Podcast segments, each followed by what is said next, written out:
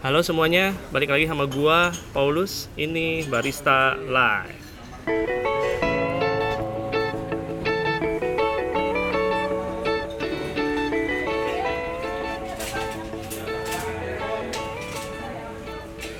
Halo semuanya, apa kabar nih? Semoga baik-baik aja.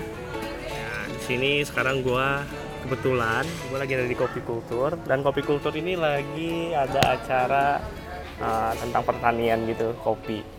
Nah, kebetulan banget kan, gua di sini langsung cari narasumber untuk episode bincang tani. Nah, pas banget nih. Oke, di sebelah gua ini udah ada langsung Pak Triyono. Dia itu ketua Ko- kooperasi Barokah ya Pak ya. Oke, langsung aja Pak, perkenalkan uh, diri Bapak. Oke, selamat sore. Nama saya Triyono dari Koperasi Kerinci Barokah di Kerinci, Jambi, Sumatera. Eh, Kami dari Koperasi Kerinci Barokah berdiri eh, tahun 2017.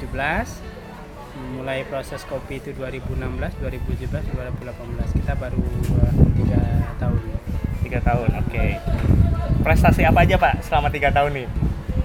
Eh, kita memulai produksi secara cukup banyak itu Juni 2017. Ya. Jadi kita punya lima proses kopi, ada honey, ada honey giling basah, full wash, kemudian ada giling uh, wash giling basah atau semi wash atau giling basah Sumatera, kemudian ada natural. Tahun 2017 eh, kopi honey kita itu nomor satu di KKSI ke-9 oleh Aiki. Kemudian itu adalah proses honey. Ya, bisa dijelaskan Pak Aiki itu apa? Kalau lembaga apa gitu? Oh, Oke, Eh, Aiki itu Asosiasi Eksportir Kopi Indonesia yang waktu itu mengadakan eh, kontes kopi spesialty Indonesia bekerja sama dengan Puslit Koka, kemudian juga ada di situ eh, kapal api. Oh, kapal api juga ada. Ah, Iya, iya, ya, iya. sponsornya kapal api, Ah. kemudian yang buat acara Aiki dan Puslit. Ya, Nah itu eh, itu adalah lembaga eksportir kopi gitu ya. ya. Kita tahun 2017 itu nomor satu. Nomor itu satu, adalah oke. proses honey Hani. dengan skor waktu itu 88,23. Wow. Ya, Ah, tinggi, tinggi iya. Pak itu ya. ya, kemudian tahun 2018 ini Iya. kita juga masih ikut kompetisi di event yang sama di KKSI yang ke-10. Kita menjadi nomor 2. Eh, kalau secara skor cup sebenarnya naik. Ya. Eh, sebelumnya 88, sekarang 90,44. Eh, yang kita ikutkan adalah yang kemarin ini proses yang baru di koperasi kita di Baroka ya, adalah proses giling basah. giling basah. Oke. Nah, gitu. Proses giling basah ini kan eh, proses yang cukup terkenal di Ya, Sumatera gitu ya, ya. ya, betul. Yang betul. kita tahu itu kopi yang biasanya diproses eh, untuk mengejar volume. volume ya. Berarti Iya. untuk komoditi besar berarti ya, Pak ya. Ya, tetapi Baroka mencoba hadir untuk membuat menghasilkan giling basah yang eh, berkualitas baik sehingga bisa diterima untuk kalangan coffee shop atau roastery lokal di Indonesia. Di Indonesia. Oke. Gitu. Nah, untuk Bapak sendiri eh eh, udah berapa lama Pak berkecimpung di dunia kopi ini? Eh, saya awalnya petani kopi. Ya. Di 2012 itu saya memulai menanam kopi. Hmm, sampai eh, sekarang pun kebunnya masih, tapi mulai di 2015 itu saya memulai belajar memproses belajar eh, belajar memproses kopi bukan waktu sebelumnya saya jual hanya buah merah Ah, saja buah merah, buah cerinya Nah, aja cherry, ya. buah merah Ya. saja. Tapi kemudian eh, saya memulai eh, memproses eh, menjadi apa HS kalau nama kita hound skin atau gabah basah. Gabah ya. Itu yang kita jual di tahun 2015. Kemudian saya dan teman-teman petani eh, yang sebaya saya, ya, seumuran saya sekitar 30-35 tahun, saya berkumpul untuk membuat satu perkumpulan uh, waktu itu kita mendirikan uh, asosiasi petani kopi Arabica Kerinci. Oh khusus di Kerinci aja ya? di Kerinci. Okay. Tetapi kemudian kita anggap asosiasi adalah satu lembaga yang bukan untuk bisnis gitu ya. Karena kalau kita berbicara tentang organisasi petani, ya. kita harus juga memikirkan bagaimana organisasi petani itu bisa berlanjut, bisa menghasilkan Eh, penghasilan sendiri tidak mencari donor yang lain makanya kita kemudian mendirikan uh, satu koperasi hmm. bagaimana kita bisa menghidupi organisasi yeah. bagaimana kita juga bisa melakukan pemasaran bersama di situ oke okay. saya yang pernah dengar pak bapak dapat bronze gourmet di Paris ya ah itu gimana pak ceritain pak Uh, itu juga kopi honey kita yang kita kirim. Yeah. Ya. Uh, itu event beberapa bulan yang lalu uh, juga oleh Aiki. Jadi kita difasilitasi oleh Aiki untuk mengirimkan sampel kopi kita ke hmm. Paris itu 2 kilo ke Paris Rosbin ya. Yeah. Ke Paris. Oh berarti kirimnya Rosbin ya, bukan uh, bukan gabah, green bukan green bean. Uh, okay. uh, oleh Aiki dikirim adalah uh, Rosbin mm -hmm. ke Paris saya sebenarnya juga tidak tahu uh, itu akan diikutkan di kompetisi seperti itu. Tahu tahunya minta sampel ah, tahunya orang Aiki minta sampel, yeah. jadi saya kirim saja 2 kilo. Yeah. Kemudian salah satu orang Aiki setelah kopinya sampai mereka menyampaikan kepada kita bahwa kopinya akan diikutkan ke uh, pameran di Paris. Paris Hanya okay. begitu. Yeah. Jadi kemudian beberapa waktu yang lalu saya dapat kabar bahwa kopi itu mendapat penghargaan bronze gourmet ya dari Paris. Gitu. Wah, nah, perasaannya gimana nih Pak? Uh, ya cukup kaget. senang. Kaget, kaget, nah, gitu, kaget ya karena terus terang Baroka tidak menyiapkan khusus kopi untuk kontes. Kontes, ya. ya. Memang itu itulah adanya kopi yang ada di kita. Uh, pembeli dan uh, kopi kontes dan kopi yang dibeli biasa akan kami bisa menjamin memastikan itu kopinya sama karena ya. akan tidak baik sekali bagi kami jika kami hanya ikut kontes kemudian menyiapkan kopi khusus untuk ya, kontes. Bagus saja. Nanti nah, giliran customer order kok beda nah, gitu ya. Itu itu uh, menjadi yang uh, tidak baik bagi kami ya, karena ya, ya kita memang uh, mengakui Barokah ini baru sekali di dunia kopi, baru yeah. dua tahun kita berorganisasi, sehingga kita yang kita inginkan sebenarnya belajar, belajar proses, kemudian mengukur uh, seperti apa proses yang kita kerjakan di mata penggemar kopi di Indonesia. Oh, oke. Okay. bukan hanya yeah. sekedar kita ingin ikut kontes bukan, tapi mengukur apakah kopi kerinci yang kita proses ini bisa diterima oleh kalangan umum atau tidak melalui uh, kontes itu. Oke. Okay. Karena ukuran yeah, yeah, yeah. Itu menjadi uh, satu uh, selain juga kita ingin mengukur, kita juga promosi bahwa di kerinci ada yeah, kopi. Iya, yeah, nah, yeah, betul betul betul. Oke. Okay. Uh,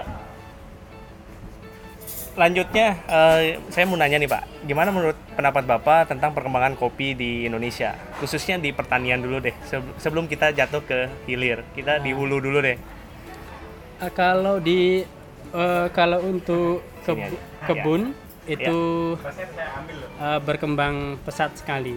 Ya. Sekarang ini dari di daerah-daerah yang punya ketinggian di atas 1000 mdpl tuh hmm. sekarang sudah uh, banyak yang mengembangkan kopi baik uh, Arabica maupun Robusta. Robusta ya. Jadi sekarang lagi ramai sekali orang mengembangkan kopi. Sekarang banyak sekali kopi-kopi baru uh, yang sebelumnya tidak kita kenal, sekarang banyak yang muncul gitu ya. Oh, Itu dari iya, sisi iya, iya. kebun.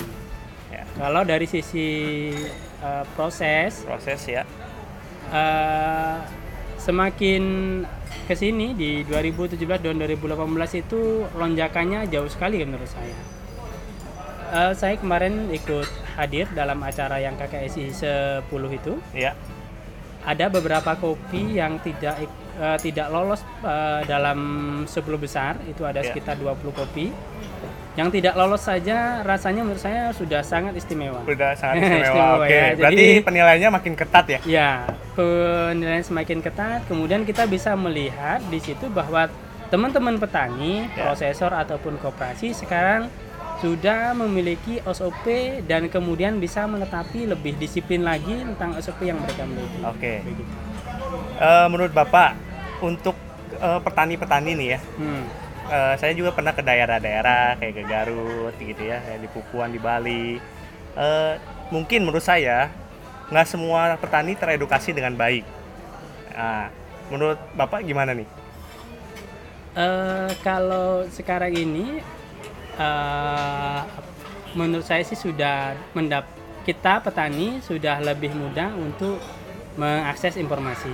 Ya, Kemudian pemerintah di daerah di eh, pusat juga banyak yang memperhatikan eh, kopi ya. Hmm. Ada eh, kalau di daerah dinas perkebunan, koperasi banyak melakukan pembinaan-pembinaan terkait proses di tingkat petani. Hmm. Kemudian pemerintah juga mendorong hal itu. Kemudian kalau bagi kaum muda Ya. saat ini kita bisa akses uh, proses, bisa tahu proses di daerah lain itu bisa lewat Instagram, bisa Oh, nonton iya, YouTube iya, dan iya, lain iya, sebagainya betul, itu betul. menjadi referensi yang Iya, uh, cukup baik menurut saya. iya. Bapak pertama kali belajar ngeproses kopi itu dari mana, Pak? Eh, saya waktu itu diajak oleh Dinas Perkebunan Kabupaten Kerinci untuk belajar ke Puslit Koka di Jember. Oh, berarti emang dari pemerintah menganjurkan untuk mengikuti training seperti itu ya? Iya. Oke, Jadi- ya ya ya. Dari situ mulai belajar, kemudian mengakses eh, banyak pengetahuan dari tempat lain seperti dari teman-teman cafe shop gitu. Iya, iya.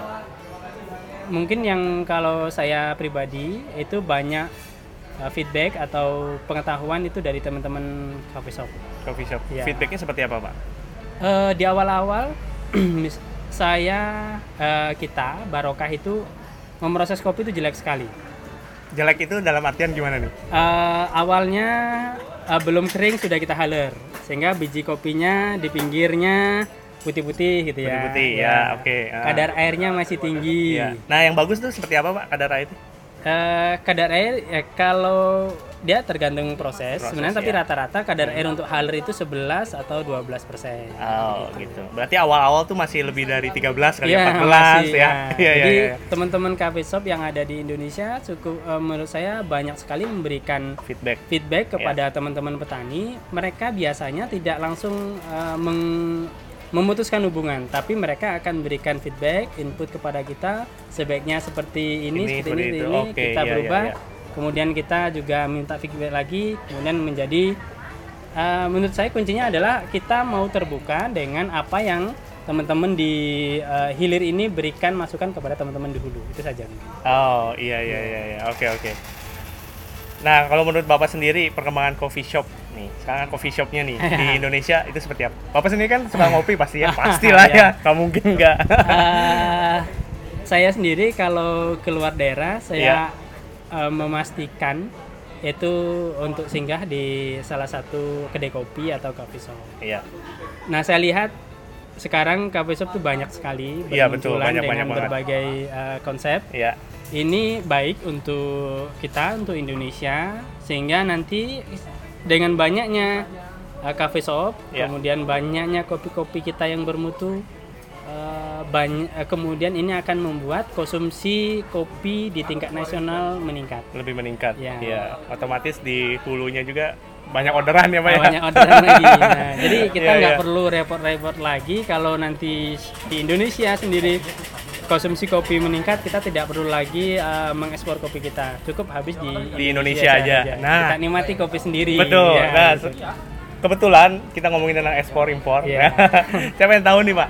Eh, menurut Bapak nih, eh, untuk ekspor kopi itu gimana sih? Uh, Barokah sendiri memang belum ekspor. Belum ekspor, belum ekspor ya? secara langsung, Oke. tapi kita menggunakan jasa orang lain Hmm. untuk mengirim kopi kita ke luar negeri. Ke mana aja, Pak? Uh, ada ke Australia, Australia, kemudian ada ke Amerika. Amerika. Oke. Ke situ. Biasa per tahunnya berapa ton? Eh, tidak tidak banyak karena dua, ri- eh, 2018 ini kita ke Amerika sekitar 20 ton. 20 ton. Ya, itu, pun untuk tiga, ka- tiga kali kirim. tiga kali kirim. Oh, Oke, ya, ya, ya. Kemudian ada ke Australia di awal tahun eh, ti- tidak banyak, ada 10 bag, Ya. se- 600 kilo Ya. ke Australia. Oh, Oke. Untuk Bapak sendiri nih, kopi favoritnya apaan, Pak? Ah, Tanyai favorit, Iya, favorit. eh, s- semuanya menurut saya favorit. Ya. Nah, saya paling senang full wash. Full wash, kerinci. Full wash kerincing itu eh, menurut saya itu yang paling saya sukai kalau dari kopi eh, kita. Iya. Kenapa, Pak, yang full wash? Eh, full wash. Sekarang kan soalnya yang full wash itu kayak ah lebih enak kayaknya natural nih, lebih enak Ah. kayaknya honey nih gitu. Full wash tuh udah udah sedikit di anak tirikan lagi ntar. nah, Eh, full wash kerinci itu eh, mungkin bisa saya katakan cukup berbeda. Berbedanya dari segi Eh, cita rasanya mungkin dia lebih sweet ya, lebih manis. lebih manis, oke Eh, ya. lebih manis ketimbang eh, yang lain kemudian balance eh, acidity biasanya yang eh, beberapa roster ketemu di eh, full wash kita itu ada red apple atau green apple gitu. Oh, oke, Jadi apple ada, applean ya. ah, ada Iya. begitu yang mereka temukan Temukan. Oke. Di- kita juga kadang-kadang karena kita juga baru belajar untuk roasting kadang-kadang Iya. juga ketemu hal-hal seperti itu Oh, iya lebih iya. iya. nyaman bagi kita Ya, roasting favorit nih di level apa, Pak? oh roasting favorit jelas like to medium Like to medium. Oke, iya iya. Iya. saya masih senang asamnya, Lebih senang manis, asamnya, manisnya. nah, Oke. begitu-begitu. Iya, iya. Terima kasih banyak, Pak. Oke. Udah menyediakan waktunya untuk wawancara sama saya. Ya, semoga sukses ke depannya. Amin amin. Iya, Terima kasih juga. Barokah jadi makin berkembang lah di Indonesia. Amin. Biar kita terima yang di hilir ini mudah untuk mendapatkan sumber gitu ya. Oke, terima kasih juga kesempatan kepada saya. ya. Uh, mudah-mudahan kita semua berkembang, uh, hulu berkembang, hilir berkembang, Betul. kemudian kita bisa menghabiskan kopi kita di Indonesia saja tidak harus ekspor. Terima Betul kasih. sekali. Terima kasih, Pak. Oke. Itu udah naik haji deh. Sekian podcast gua kali ini di episode Bincang Tani. Thank you banget yang udah dengerin podcast gua. Kalau mungkin eh, suaranya ada sedikit gerbuk-gerbuk, itu angin. ya, tapi cuma sebentar lah. Sisanya enjoy kan, ya. Itu bener-bener banyak knowledge itu eh, dari segi petaninya, ya Pak Triyono. Itu luar biasa sekali. Oke. Jangan lupa eh, di lo- dikasih tanda love ya di Spotify gue untuk podcastnya biar kalian gak ketinggalan episode-episode gue berikutnya. Thank you. Salam kopi.